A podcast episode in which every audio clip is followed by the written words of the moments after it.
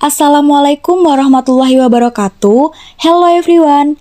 In Journal Week 16, the topic is read children book and watch cartoon movie.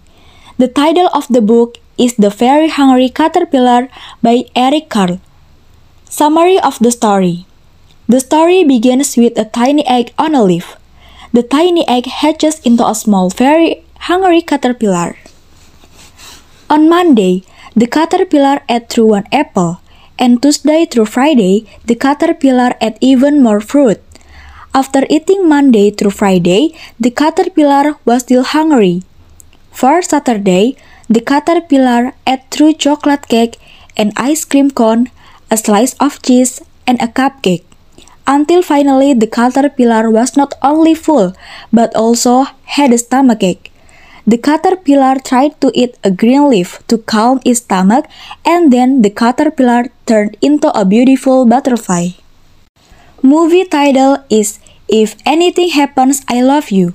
Movie synopsis The cartoon movie tells about a husband and wife who are grieving the loss of their daughter. Since the loss of their daughter, the couple's life has turned into a sad day. Everything in the house always brings back memories of their daughter. One of them is a beach clothes that have memories of when they were on vacation together. The last time they saw each other was in the morning when dropping her off at school.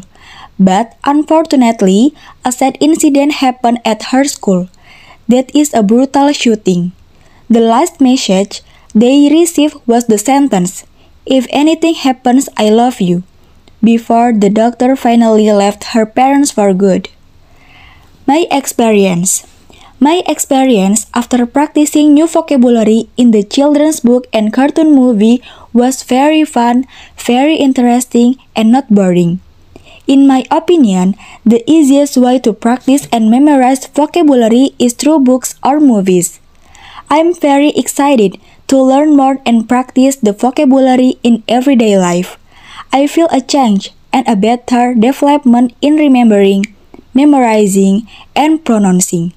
I'm very happy because the new vocabulary I found can enrich the vocabulary list. Thank you. Wassalamualaikum warahmatullahi wabarakatuh.